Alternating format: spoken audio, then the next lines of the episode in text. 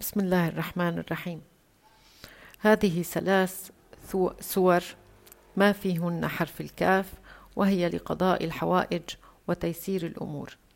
السور الثلاث التي لا تحتوي على حرف الكاف هي سورة العصر وسورة قريش وسورة الفلق. هذه السور تقرأ مرة واحدة أو ثلاث مرات على نية تيسير الأمر بإذن الله تعالى.